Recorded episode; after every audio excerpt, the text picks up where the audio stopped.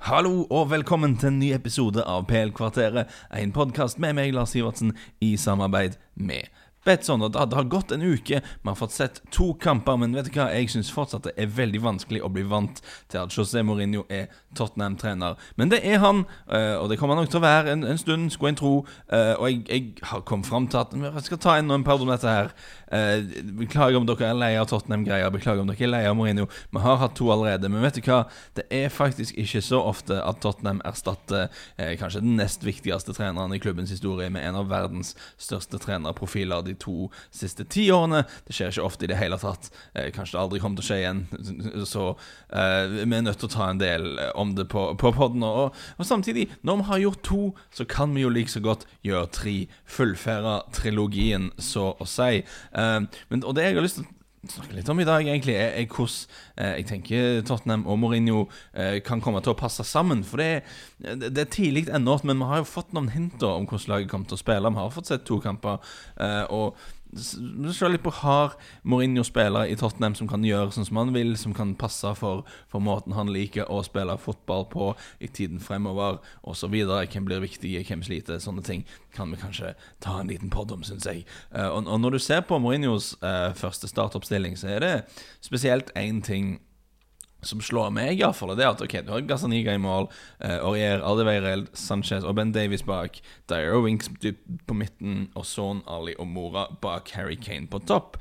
Men ok, hvis du uh, hvis du ser på den lagoppstillingen, og, og du bytter ut uh, Harry Winks med Tanguyen Dombele, som jo kan skje i tiden framover, uh, bytter ut Mora med Lamela Altså Mora har vært bra, men en ser jo for seg at Lamela og Mourinho kanskje kan bli et sånn Kan bli et sånn greier der. Um, da har du faktisk et Tottenham-lag der en hel startoppstilling der Sage Aurier er den eneste som er under 1,80 høye. Det det, det er utrolig det er, mange store, sterke menn der. Eh, og, og, det er jo noe Mourinho liker, som vi vet. Eh, og, og, de i avstanden til Tottenham som ikke er liksom høyreiste, eh, som, som, Mora, Aurier, Danny Rose, de er likevel raske og, og fysisk robuste typer som, som, tar for seg i, i duellspill. Og jeg vil mene at det er helt fair å si at Tottenham faktisk har uvanlig mye duellstyrke i spillergruppen som de har. Og det er jo logisk nok eh, når de har hatt Pochettino som sjef i fire-fem år. Eh, selv om hans syn på fotball er veldig forskjellig fra Mourinho sin på mange måter, så er de begge opptatt av å ha mye fysisk kapasitet i laget. De vil ha tøffe typer som, som tåler å bli kjørt ganske hardt, både i form av trening og sånn generell disiplin og, og fighter på banen og alt det der. Eh, så Tottenham har, uten at de liksom har planlagt det, så har de satt sammen et lag som, som jeg tror bør passe veldig bra til Mourinho i den forstand. Og ok, det fins en del um, diskusjon og uenigheter debatter om, om, hva slags fotball Mourinho egentlig står for.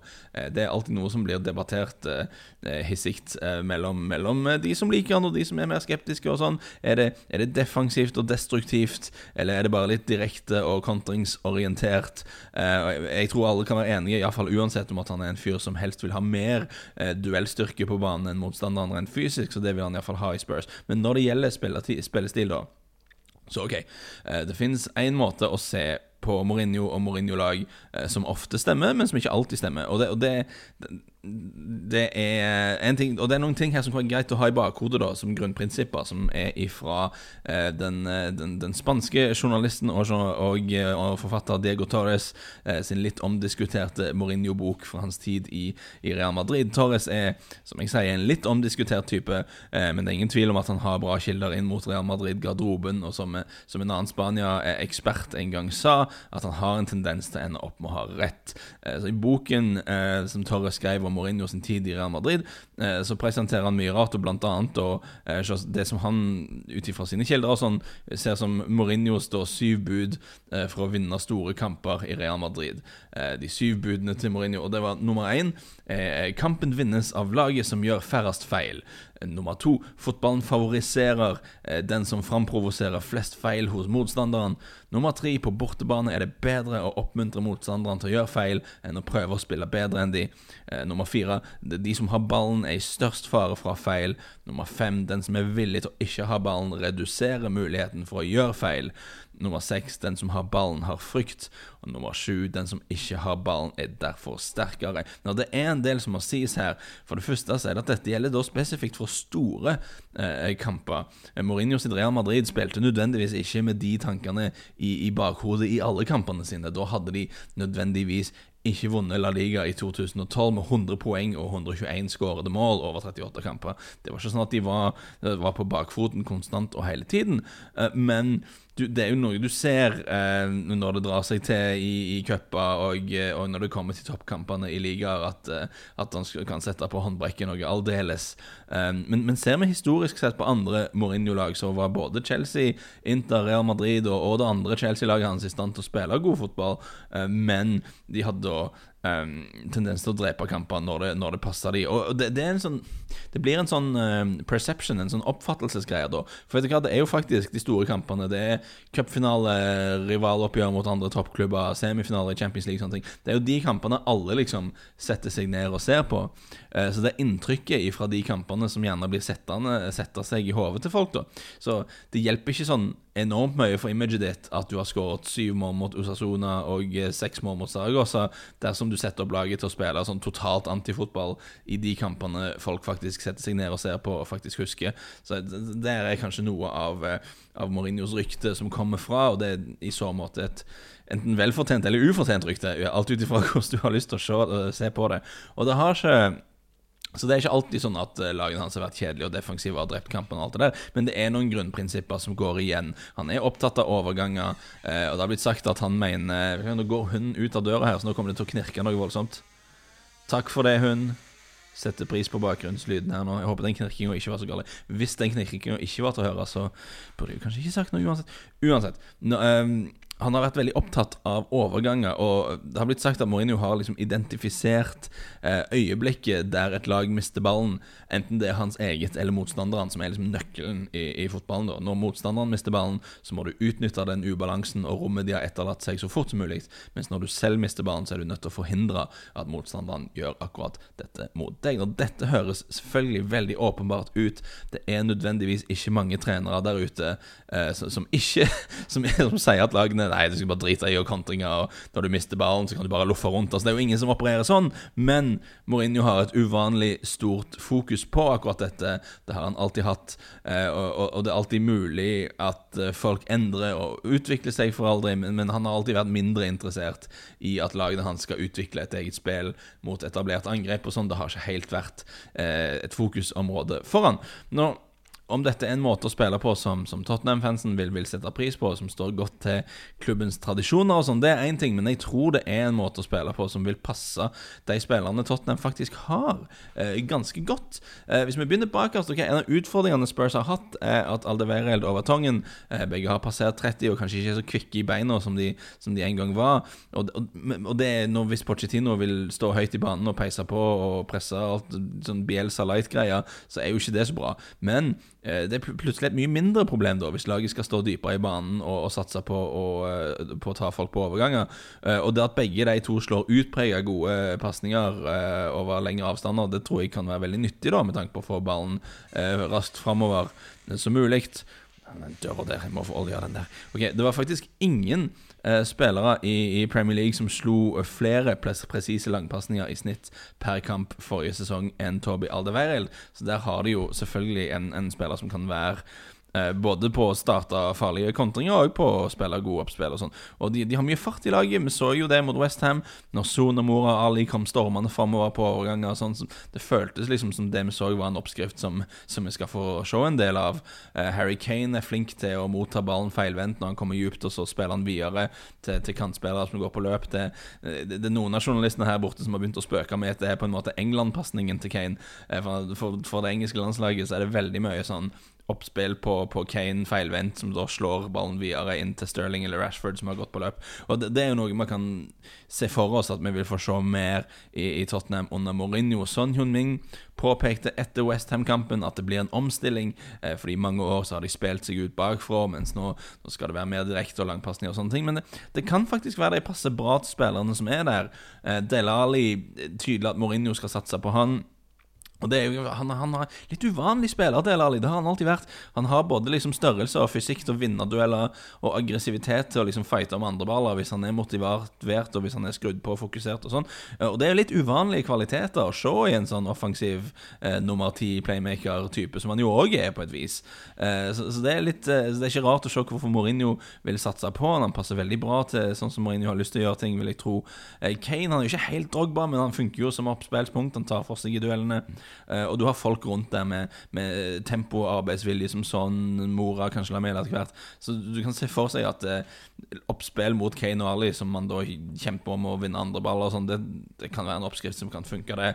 Uh, The Guardian spurte bl.a. Alvaro Arbeloa, som jo var en pålitelig Mourinho-løytnant i Real Madrid, om Mourinho denne uken, og han sa at His teams are very, very well organized. Uh, his teams are quick to go for the other team's goal. They're not teams to hold on to possession. Rather, he prefers them to be quicker, more direct, and go straight for the opponent's goal. At Tottenham, with players like Della Ali, Son, Harry Kane, I think he has the players that fit that very well. Uh, det, det, mistenker jeg at Abelo har veldig rett i. Nå, ok, Det er mange potensielle problemer med Mourinho i Tottenham. Selv om han har oppført seg fint så langt, uh, og snakker om at han er et nytt og bedre menneske, så er det vanskelig å ignorere helt uh, at vi snakker om en manager som omtrent har blitt jagt ut eh, av sine tre forrige klubber, faktisk. Av sinte og slitne spillere som bare liksom ikke orker han mer, og ikke, ikke ville jobbe med han mer. Og en av Mourinho sine nådegaver er jo at han er en sånn type person som på en måte påvirker hele humøret i et rom når han er der. Altså, han har en utrolig sterk tilstedeværelse. Når han er i godt humør, så sprer han det gode humøret rundt seg, nesten, nesten uten å gjøre noe. Det er en sånn rar sånn aura som han har. Eh, men det kan òg være et veldig tveegga sverd, da, for hvis han går sur, så ender han jo opp med å spre masse negativitet og elendighet rundt seg. Eh, det er jo kanskje noe man så i United spesielt. Eh, og det er mange spørsmål i Spurs. Kan, kan, han leve med at han neppe vil få de spillertypene han helst vil ha på overgangsmarkedet? kan han klare å være i en klubb i mer enn et par uten å bare liksom ende opp med å sette fyr på alt rundt seg og, og, falle ut med absolutt alle? Det har vi liksom ikke sett han gjøre noen plass før. og etter å ha sett liksom nå, nå, understreker vi jo at det er ikke sånn at alle Mourinho sine lag har spilt forferdelig fotball. Det er bare ikke riktig. Men etter å ha sett hvor forferdelig treige og identitetsløse og retningsløse United-laget hans var, så er det jo Man må jo være litt bekymra for om han faktisk kan det. Kan coache et lag til å ha, ha et eget spill og, og, være noe annet. Altså, Måker til Fellaini-greier som det ble så mye av. Og, og, som sjef for et av de større lagene i Premier League, eh, og Spurs er jo faktisk det på, på, sitt vis, så vil du alltid møte motstandere som er helt fornøyd med å legge seg dypt, og som ikke gir deg muligheter til å komme på overganger. og, og man skal ikke utelukke at det kan bli en del kamper der, du, der de måker mye langt mot Kane i boksen i håp om at uh, ballen skal dette ned i beina til Del Alli eller noe sånt. Og det, jeg lurer jo litt på om det kan bli litt murring på, på Tottenham Hotspur Stadium uh, dersom det ender opp med å bli, bli en del sånn. Uh, jeg lurer òg litt på hva som er planen med de to dype på midten der. Altså Erik Dyer er selvfølgelig en type Mourinho har likt lenge, og, og få rehabilitert og pussa han opp er nok en prioritet på plassen ved siden han Wings har starta to kamper, men han lurer jo også litt sånne kortvokste, ballflinke midtbanespillere. Har jo ikke tradisjonelt vært favorittypene til Mourinho på midten. Dombele er litt mer dynamisk, men han er jo litt mer sånn offensiv i stilen, da. Jeg vet ikke hvor godt han vil like å sitte djupt som en av de to dype. Han liker, liker mer å løpe framover, så vi får se hvordan det, hvordan det blir. Mourinho har ytra skepsis til Mosa Sissoko. Det kan se ut som Mosa Sissoko-eventyret er over.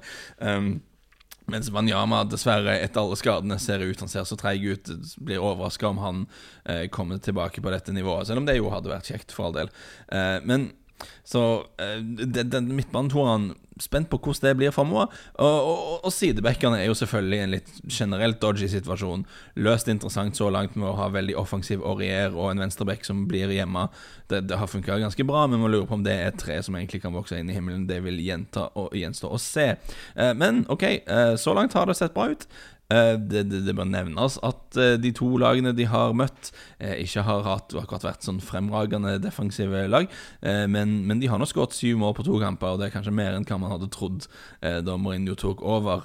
Og OK, de, de er en rar match på begge på mange måter, Mourinho og Tottenham. Det er veldig mye forskjellig som kan gå galt. Det er det alltid når Mourinho er noe som helst sted. Men, men, men. Hvis du bare ser på spillertypene de har og hvordan Mourinho ser fotballen, hvordan han mener fotball bør spilles, uh, så vil jeg jo egentlig si at de faktisk passer overraskende godt til hverandre. Bedre enn det som umiddelbart slo meg, iallfall min første tanke når han tok over. Bare sånn Å nei, dette blir ikke bra.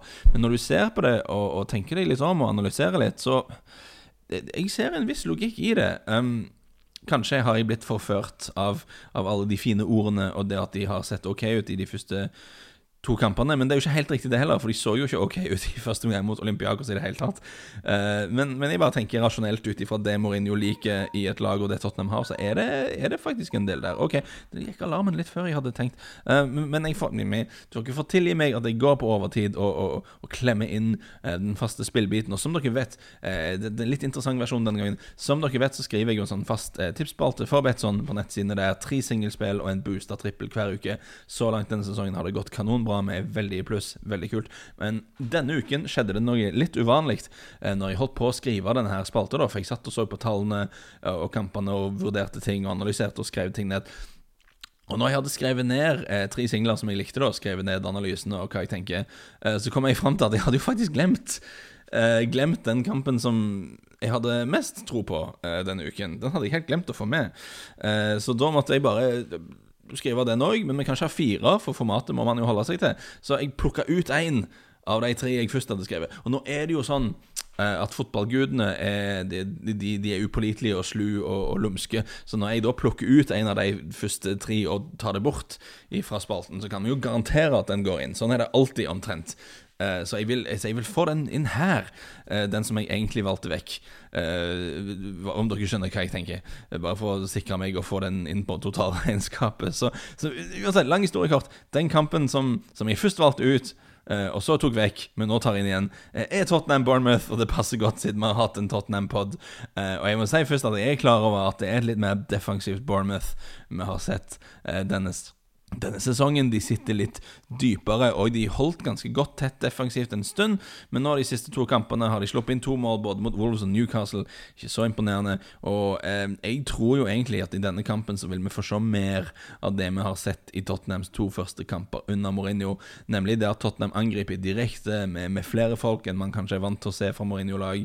Eh, men at Tottenham ikke er helt til å stole på bakover ennå. Så selv om jeg, eh, jeg går litt imot Bournemouth sine prestasjoner prestasjoner denne sesongen, så vil jeg her ha Tottenham-seier og over 2,5 mål i kampen eh, sammen. Det kan dere finne som et spesifikt spill. Dere kan sikkert òg bygge det i, i bet-bildene om det, dere syns det er enklere. Um, enn å scrolle ned i menyen der på jakt etter det, det spillet. Uansett, det, det, er god stemning i Tottenham. Spillerne har fått en ny giv. Eh, du har mange spillere der som har lyst til å vise seg for den nye sjefen. Eh, jeg tror de bare kommer til å peise på fra for, foran hjemmepublikum. Mourinho har så jævlig lyst til å, til å, selge seg inn til, til hjemmepublikum og liksom bevise at jeg er ikke alltid så negativ og, og destruktiv og sånn. Jeg, så jeg tror det vil være et angrepsvillig Tottenham-lag i denne kampen. De, de, de, det, men jeg stoler jo ikke på de defensivt de slapp inn både to mål mot Olympiakos og mot Westham. Eh, så jeg tror, det er ikke helt sikker på at de skal holde nullen heller. Totalt sett, uansett, Tottenham-seier over 2,5 mål i kampen. Eh, Betson tilbyr 1,86 i odds på den. Jeg syns det er veldig ok. Uh, så, det er tilleggstipset. Uh, resten, av, uh, resten, av, de ser dere på Betson-bloggen. de tre singlene, inklusiv da den som jeg helt iallfall skulle ha med. pluss en booster trippel. forhåpentligvis blir det bra. Lykke til, og vi snakkes snart.